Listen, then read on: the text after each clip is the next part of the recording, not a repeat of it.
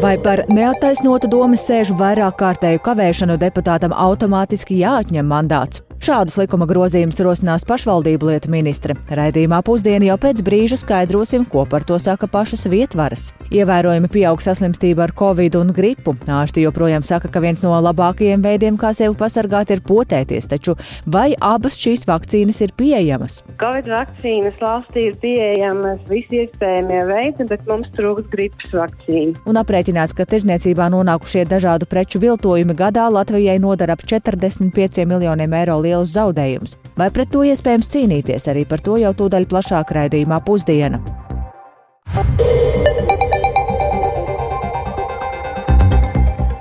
Divpadsmit un piecas minūtes skanējumu sāk 14. novembra radījums pusdiena, plašāk skaidrojot šīs dienas būtiskos notikumus. Studijā Dāca Pēkšēna, labdien!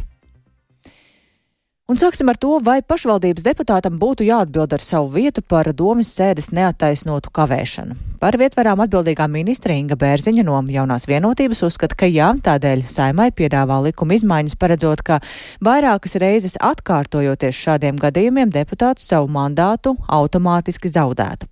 Pašvaldības savienībā to saredz kā apspriežamu jautājumu, bet ieviešanu ieviešamu gan tikai pēc nākamajām vietvaru vēlēšanām, un vairāk par to gatavs pastāstīt kolēģis Jānis Kīns. Sveiks, Jāni!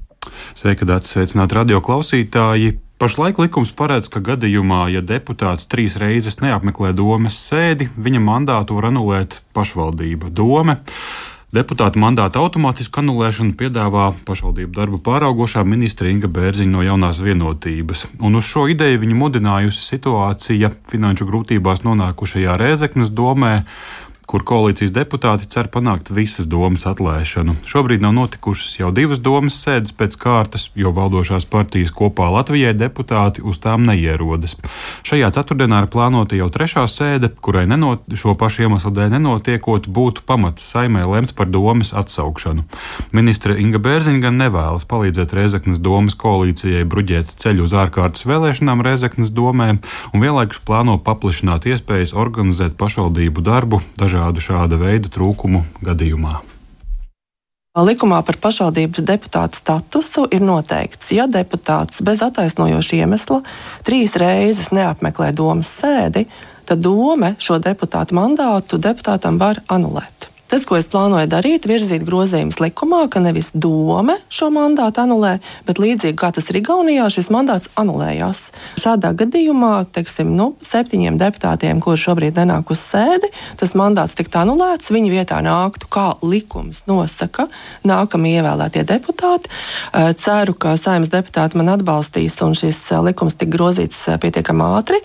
Šobrīd sanāk tā, ka principā pašvaldība var tikai noteikt savu dienas kārtību mēs darām tā, un, un īstenībā ne ministrijai, ne val, valstī īsti nav tādi instrumenti, kā piespiest, nu, nevar teikt piespiest, bet nu, kā aicināt kaut vai strādāt. Īsti šo nav kaut gan.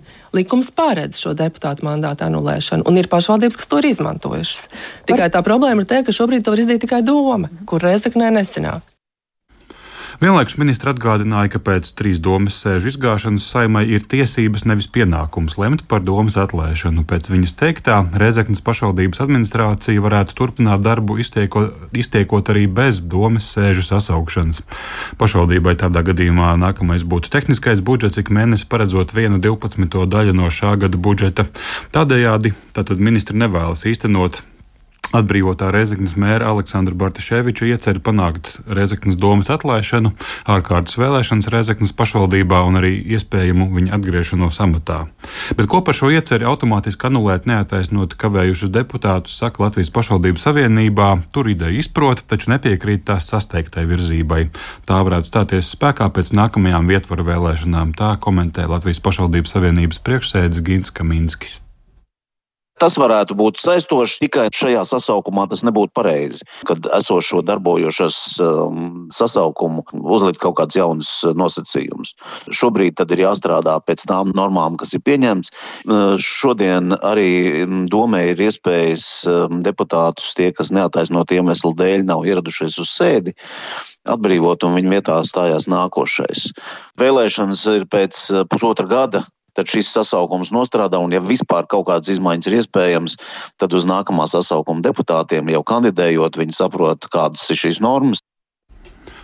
Lūk, par šo tēmu pēcpusdienā arī pastāstīšu, ko par šo ministrs ieceru domā Saimnes valsts pārvaldes un pašvaldību komisijas deputāti, kuriem šo likumu izmaiņu iesniegšanas gadījumā ar, te, ar tiem būs jāstrādā. Paldies Jānim Kiencim par šo skaidrojumu, un kamēr Jānis um, turpina šo jautājumu risināt, tad um, Mēs pievēršamies citiem tematiem, un lai arī tik plašu globālu apdraudējumu, kādu piedzīvojām pirms pāris gadiem, Covid vairs nerada, tomēr visticamāk ar to mums būs jāsadzīvo arī turpmāk līdzīgi kā ar gripu, tā vērtē eksperti. Tāpēc šajā laikā, kad saslimstība ar gripu un Covid pieaug, jautājums, cik pieejamas ir vakcīnas tiem, kuri vēlas sevi pasargāt šādā veidā. Par to interesējās kolēģi Agnija Lāsdeņa. Agnijas, spriežot pēc tā, ko esmu novērojusi sabiedriskajā transportā un arī citvieta, cilvēki arvien vairāk šņaukājas klapo, kā ir ar gripas un covid izplatību. Kā norāda Latvijas ģimenes ārstu asociācijas valdes loceklāja Graudiņa, tad šobrīd apkārt cirkulējot visi iespējamie augšējo elpceļu vīrusi, ne tikai covid un gripa. Taču covid pieņemas spēkā un ar katru dienu ģimenes ārsti konstatē arvien vairāk saslimušo. Turklāt vīrusa straujāka izplatība sākusies tieši novembra sākumā. Slimošanas gaita, kā uzsver Graudiņa, gan šobrīd esot krietni viegla, vieglāka, ja salīdzinām ar laiku pirms diviem gadiem. Un pašlaik iespējams pirmās trīs vai vai četras dienas varētu būt kā tas grūtākais periods. Bet kā ir ar vakcināciju, paklausīsimies Graudiņas teikto. Pret Covid vakcināciju tie, kas mums ļoti vēlējās, ir dabūjuši savas potes, bet salīdzinot ar iepriekšējiem gadiem, ir ļoti zema atsaucība. Lai arī mēs uzrunājam, piedāvājam, lielākoties par sevi uztraucās tomēr seniori, 75, plus, kas arī saņēmuši. Labāk mums iet ar gripas vakcināciju. Covid vakcīnas valstī ir pieejamas visi iespējamie veidi, bet mums trūkst gripas vakcīnu. Graudiņa uzsver, ka problēma būtu jārisina slimību profilakses un kontrolas centra un Nacionālā veselības dienesta līmenī, jo ģimenes ārsti esot saņēmuši vēsti, ka gripas vakcīnas vairs nav pieejamas pa hroniskiem pacientiem līdz 65 gadiem. Tostarp vakcīnu trūkst arī zīdaiņiem. Gripas vakcīnas pieejamas pacientiem vecumā virs 65 gadiem, pieejamas arī instranazālās gripas vakcīnas bērniem no 2 līdz 7 gadiem. Arī sarunā ar ģimenes ārsti no Jelga Jelgavas Ilzi Strēli noskaidroja, ka viņas praksē ar covidu slimo nepārtraukti un ikdienu ir līdz pat četriem saslimšanas gadījumiem, kur galvenie simptomi tad ir iesnas, klepus, temperatūra, nespēks un daudzi citi, taču vairums gadījumi saslimšanas ir viegli salīdzinot arī ar šo situāciju pandēmijas laikā. Pret gripu vakcinēties atsaucība ir mērena, nav tāda, kā bija citus gadus, bet jā, cilvēki nāk un ja cilvēkiem vēl piedāvā, tad viņi to vēlās darīt, bet ir atkal problēmas ar vakcīnām, protams, ar maksas vakcīnām, jo attiecīgās grupas, teiksim, tas ir valsts apmaksātās, tur vēl pagaidām ir stīri neko, bet arī atsaucība nav tik liela, kā bija pirms tam, bet pret Covid vakcinēties cilvēki vēlās ļoti maz. Līdz pagājušajai nedēļai ir veikts nepilns 71 tūkstotis gripas vakcināciju un 13,5 tūkstoši vakcināciju pret covid-19. Tā norāda slimību profilakses un kontrolas centrs. Tāpat arī SPKC norāda, ka vakcīnas pret covid ir pieejamas dažādas un tās ārsti var brīvi pasūtīt pēc izvēles. Savukārt runājot jau par gripas vakcīnām, tad situācijai nemitīgi seko līdzi un šobrīd ir de, šobrīd desmit un vairāk devas ir pieejamas vairāk nekā 700 iestādēs kas esot vairāk nekā puse no tām medicīnas iestādēm, kas šo vakcināciju vispār veids. Tomēr esot iestādes, kur arī ir šis eh, tikai minimālais devu skaits, taču kopumā ir vairāk nekā 25 tūkstoši gripas vakcināciju devu. Bet uh, par šo visu plašāk tad jau stāstīšu programmā pēcpusdienā. Paldies, Agnijai! Lazdiņai tas tātad par vakcīnu pieejamību. Es tikai vēl piebildīšu, ka Covid vakcīnas ir pieejamas bez maksas, eh, gripas vakcīnas savukārt atsevišķām grupām, grūtniecēm, bērniem vecumā no 6 līdz 23 mēnešiem un arī cilvēkiem no 65 gadiem uz augšu. Bet par citiem tematiem runājot, Gāzes joslas lielākā slimnīca līdzinās kapsētai. Tā situāciju Šifas slimnīcā ir raksturojusi Pasaules veselības organizācija. Slimnīcā ir iesprostoti tūkstošiem cilvēku, jo Turpinās ārpusē intensīvas ielu kaujas starp teroristisko grupējumu Hamas un Izraēlas armiju. Arī citās medicīnas iestādēs Gazā situācija ļoti smaga.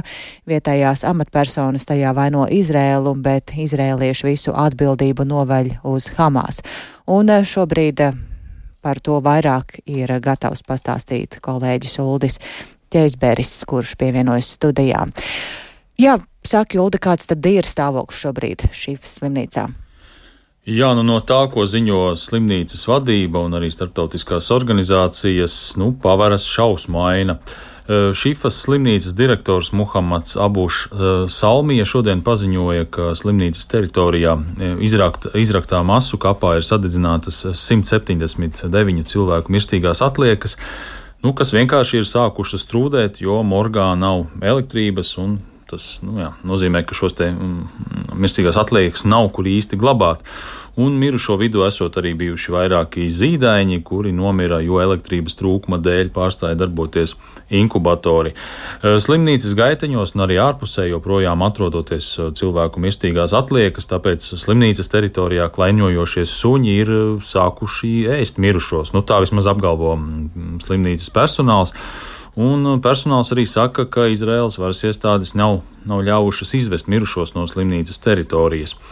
Uh, intensīvo apšaužu dēļ slimnīcu praktiski nesot iespējams pamest, un uh, tiek lēsts, ka slimnīcā atrodas aptuveni 600 pacientu, vairāki simti darbinieku un vēl aptuveni 1500 kara dēļ pārvietoto cilvēku, kuri slimnīcā ir guvuši patvērumu. Un, protams, tik lielu skaitu cilvēku šajos apstākļos nav iespējams eh, nodrošināt ar pārtiku un ūdeni, tāpēc slimnīcā valda antisanitāri apstākļi. Tāpat trūkst arī degvielas, lai varētu darbināt eh, elektrības ģeneratorus.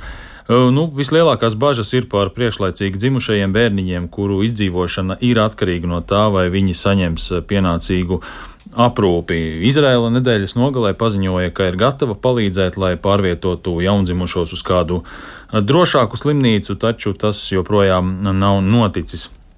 Izraēlas premjerministrā Benjaminā Netanjahu vecākais padomnieks Marks Regevs situāciju Šifas slimnīcā raksturoja kā katastrofālu, bet vainoja tarā, tajā teroristu grupējumu Hamas, kam nu, cilvēku ciešanas esot izdevīgas, lai varētu izplatīt savu propagandu, un varam paklausīties arī viņa teikto. It's a Hamas made catastrophe. Who has turned Tā ir Hamas radīta katastrofa. Viņi ir pārvērtuši slimnīcas par kara zonām. Viņi zem slimnīcām ir izvietojuši savu militāro aprīkojumu. Viņi zem slimnīcām ir izveidojuši bunkurus, tuneļus un komandu centrus. Mēs piedāvājām degvielu, lai varētu darbināt ģeneratorus, kas nodrošina ar elektrību jaundzimušo inkubatorus. Mēs arī piedāvājām izveidot humāno koridoru, lai varētu izvest jaundzimušos no slimnīcas. Hamas to noraidīja. Jā, un arī Izraels armijas pārstāvji apgalvo, ka zem šīs slimnīcas atrodoties viens no Hamas militārajiem komandcentriem. Nu, savukārt slimnīcas darbinieki un arī vietējās amatpersonas to noliedz. Uh, palestīniešu pārvaldītajā rietumkrastā dzīvojošais ārsts un politiķis Mustafa Bargutī, kurš vairāk kārt ir apmeklējis šīs slimnīcu, arī apšauba Izraēlas teikto, ka zem slimnīcas atrodas Hamas militārā infrastruktūra, un arī varam noklausīties viņa teikto. Viņi saka, ka Hamas tuneļi atrodas tuvumā, tuvu slimnīcām. Ko nozīmē tuvu? Tas var būt 500 metru attālumā, bet pat ja tā būtu patiesība, tas neattaisno slimnīcu bombardēšanu, tas neattaisno bērnu nogalināšanu. Jā, un, jā, un šī slimnīca nav vienīgā, kur uh, ir šādas problēmas. Arī citās uh, gazas slimnīcās ir problēmas ar medikamentu pieejamību un um, ārstu trūkumu. Un tas cilvēku skaits, kas atrodas slimnīcās, ir pārāk liels. Un vēl piebildīšu, ka Izraēlas tuvākās sabiedrotās ASV prezidents Džo uh, Baidens ir aicinājis izrēliešus veikt mazāk postošas darbības gazas slimnīcu tūmā un arī tās aizsargāt. Paldies Uldim Čēsberim, tas par gāzes joslas lielāko slimnīcu, kas, kā dzirdējām, Pasaules veselības organizācijas vērtējumā, tad tur tā situācija tāda, ka tā līdzinās kapsētai. Bet um, atgriežamies pašmājās. Muitas un citu valstu iestāžu darbinieki ir aktualizējuši jautājumu par viltojumiem tirzniecībā, kas gadā Latvijai nodara ap 45 miljoniem eiro lielus zaudējumus. Par to šodien spriež starptautiskā seminārā, jo tā nav tikai Latvijas problēma. Pie mums tas lielākoties ir saistīts ar pirkumiem internetā. Tā šorīt raidījumā labrīt kolēģei Ārtai Skujai sacīja patentu valdes direktors Agris Batalauskis, un viņš norādīja, ka preču grupas, uz kurām tas attiecas, bieži mēdz mainīties, bet par šobrīd aktuālajām vairāk paklausīsimies sarunas fragmentā pārsteidzoši lielākais apjoms, gan arī 70% bija rotaļlietas, kas nāca iekšā. Un, protams, valsts, no kuras tā nāca, ir Ķīna. Tīri tikai par šo jomu liekas, ka ir 3 miljoni zaudējumu tīri attiecībā uz viltoto rotaļlietu un spēļu tirgošanu Bet pagājušajā gadā. Kā šajā situācijā un problēmas risināšanā vispār valsts var iesaistīties? Jo visticamāk tās ir privāta personas, viņu darījumi un viņu izvēle internetu veikalos. Protams, ka lielākoties jūs pareizi arī saprotat, tie ir arī individuālie pirkumi ļoti lielā daļā. Un, ja mēs runājam runājam tieši par Latviju, tad uh, šī izplatība ir ļoti populāriem sociālajiem mēdījiem, arī privāto lietošanu, tirgos vietnēm. Bet uh, liela daļa, protams, arī ienāk konteineros. Tas ir tas, kur mums arī muitas pārvaldes pārstāvji ļoti cītīgi strādā. Protams, arī par šīm sīkpakām, kas ienāk no Ķīnas, ir jādomā dažādi varianti, kādā veidā efektīvāk viņas ienākot Latvijā, notvert un neļaut, lai viņas arī sociālo mēdīju platformās tālāk jau nonāk pie patērētājiem.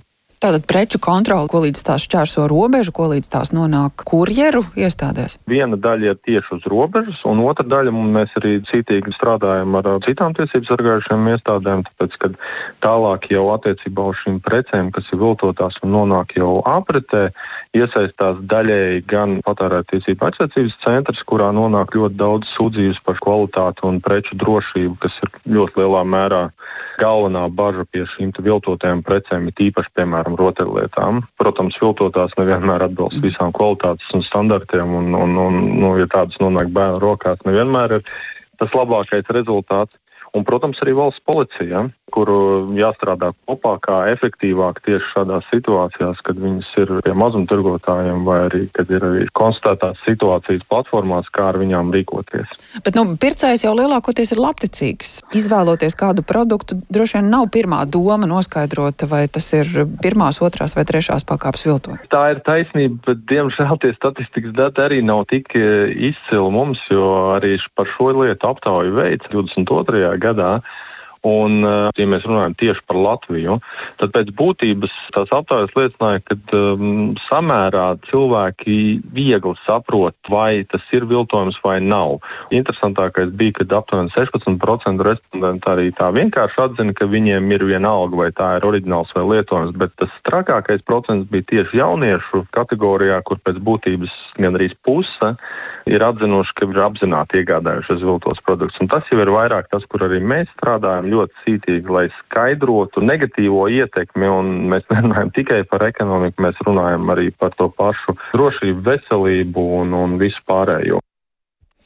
Tālūk patentu valdes direktors Agris Batalauskis un Ja mēs runājam par pētījumu, jaunākais pētījums liecina, un arī tikko sarunā izskanēja tas, ka viltoto preču izplatība ievērojami veicina Tātad citas jomas attīstība, sīkpaku sūtīšanas un saņemšanas iespēju uzlabošanās un Latvijā starp ievestajām un atklātajām viltotajām precēm augsts īpatsvars ir tieši rotaļlietām. Šogad tās līdz oktobrim ir bijušas vairāk nekā 4200 vienību, jeb 38% no viltoto preču kopskaita, un šogad arī ir atklāts ievērojams daudzams viltotas parfimērijas 3100 vienību, jeb 28% no viltoto preču kopskaita. Un viltotā parfimērija visbiežāk tiekot ievesta no apvienotajiem Arābu Emirātiem, tādējādi cenšoties maldināt pircējus ar plaši pazīstamām preču zīmēm, kas ir sajaucami ar līdzīgiem nosaukumiem. Un droši vien arī diezgan daudz dažādi preču viltojumi nonāk sadzīves atkritumos, par kuriem būs mūsu nākamais stāsts, jo to apjoms Latvijā pieaug straujāk nekā vidēji Eiropas Savienībā. 280 kg nešķirotu sadzīves atkritumu tieši tik daudz pērn gada laikā radīja viens Rīgas un pierīgas iedzīvotājs, un tas viss nonāk Gētliņu atkritumu poligonā, kas nav bezizmēra, tāpēc Gētliņu eko, lai mazinātu radīto atkritumu daudzumu, vēršas pie sabiedrības ar īpašu kampaņu, un kolēģis Viktors Demidovs par to ir gatavs pastāstīt vairāk.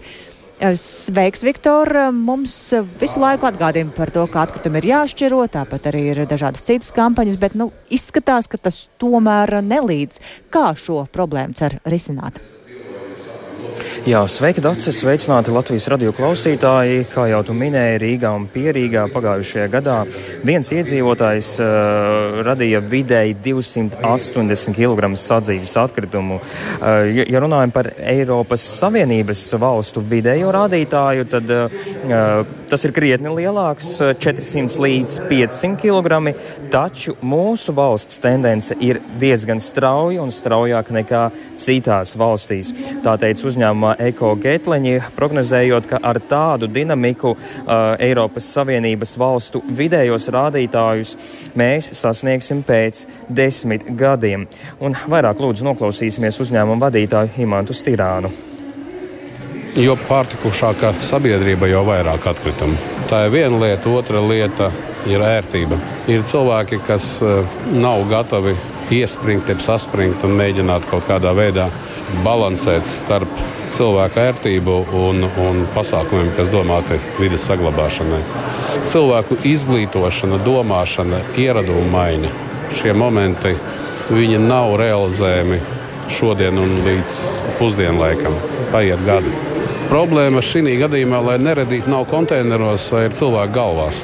Ir jāmēģina cilvēkam iestāstīt, ka lieku ģenerēt, mest ārā, nelietot, nepietiekami ilgu laiku lietot, ka tas nav labi. Tālūk, saka Getliņa eko vadītājs uh, Imants Tirāns. Un runājot vēl par atkritumiem, Getliņos noglabā pusi no visa veida atkritumiem. Ja runājam tātad par sadzīves tieši, tātad tie ir 400 tūkstoši kilogramu tas, uh, gadā. Un līdz 2035. gadam, līdzīgi kā citām Eiropas Savienības valstīm, nu, ir jāsasniedz mērķis 10%. Nu, un pretējā gadā gadījumā tad eh, Latvijas iedzīvotājiem tas vairāk akcents liek uz Rīgas un pierīgas iedzīvotājiem, jo Getliņu apkalpo vairāk eh, galvaspilsētas apkārtnē, tad eh, nu, vajadzēs maksāt par to lielas, lielu summu. Un es arī aprunājos ar iedzīvotājiem, kā viņi vērtē, vai viņi dala atkritumus. Man vairums manu uzrunāto pilsētnieku teica, jā, ka viņi šķiro atkritumus un uzskata, ka cilvēki vienkārši to nedara, jo nu, nesarāc to problēmu. Jo, jā, kā jau minēju pašā sākumā, 280 kg varbūt citiem nemaz nešķiet, ka tas ir daudz, un viens pat īsti varbūt neaizdomājas par tādu apjomu, ka tas ir tas straujāk aug nekā citās Eiropas Savienības valstīs. Un, un domā, ka cilvēki ir tādi vairāk nu, ar nihilismu, tāda attieksme, ka viņi vairāk uh, domā par pašu sevi, nevis uh, par apkārtni. Bet uh, viens uzrunātais kungs teica tā, ka viņam vienkārši pie mājas nav to konteineru. Jā, viņš dzīvo Rīgā, viņš saka, man fiziski nav kur izmest. Viņam nav nesot tādas iespējas. Uh, nu, tad uh, tāds ir iedzīvotāju viedoklis un plašāk par gan kampaņu, gan šo problēmu tad stāstīsim raidījumā pēcpusdienā.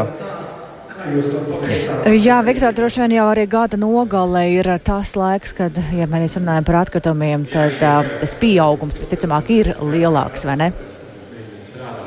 Jā, tieši gada nogalē, svētku laikā tas uh, pieauga, jā, jo uh, cilvēks sāk vairāk uh, gatavot maltīti, arī uh, dāvināt viens otram dāvanas, tā ka tas uh, svētku laikā ir uh, jo aktuālāka problēma. Paldies Viktoram Demīdovam par šo atgādinājumu. Tātad uh, Getliņa Eko īpašā kampaņā vērš uzmanību tam, lai samazinātos mūsu ikdienā radītie atkritumi. Ar to arī skan raidījums pusdiena. thank you Raidījumu veidoja producente Ilza Agīnta, ierakstus montēja Kaspars Groskops par labskaņu rūpējās Rīta Karnača, arī jums sarunājās Dāca Pēkšēna un vēl par dažiem šīs dienas būtiskajiem tematiem. Ministra virzīs grozījumus par pašvaldības deputātu mandāta anulēšanu pēc trīs neapmeklētām domas sēdēm. Ģimenes ārstu praksēs gripas vakcīnu trūkums tās pieejamas tikai dažām pacientu grupām un ar īpašu kampaņu cer mazināt ikdienā radīto atkritumu apjomu. Raidījums pusdiena ir atrodams arī allaža Latvijas radio mobilajā lietotnē. Tur, lai mūs dzirdētu, ir jāsameklē dienas ziņas, un tāpat arī Latvijas radio ziņas ir sameklējamas, un tām var sekot līdzi sabiedrisko mediju ziņu portālā LSMLV, un esam atrodami arī sociālajos tīklos. Uz tikšanos atkal rīt! Yeah.